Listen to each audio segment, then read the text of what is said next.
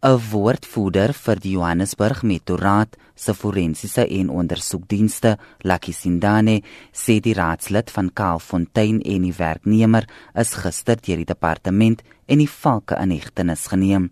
Last year between December and January this ward councillor was uh, responsible for the Kaalfontein area sold two vacant stands that belong to the city to communities.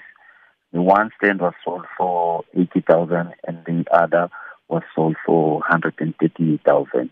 And people came to us with the information to say uh, the councillor has defrauded us.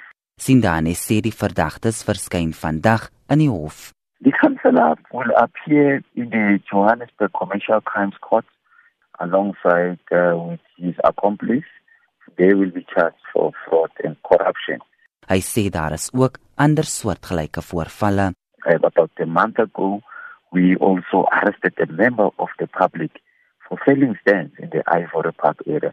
We were worried that this is becoming a trend in Johannesburg, and we've received complaints yesterday after we we arrested the councillor from E in the in the Orange Farm area to say that there are also councillors in that area who are illegally selling stands that belong to the city. Can we please investigate and assist? And we're looking into that.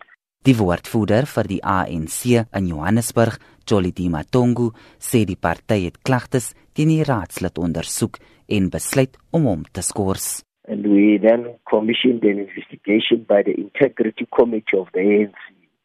Mr. Mutsumi was then afforded an opportunity as our councillor to present his case to the committee. After discussions and deliberations by the committee, the committee felt that uh, his conduct is morally and ethically questionable in this particular instance and therefore uh, resolved that he needs to be uh, removed as a councillor. Dit was Jolidee Matongo, die woordvoerder vir die ANC in Johannesburg. Jean Esterhuizen, SAICONIS.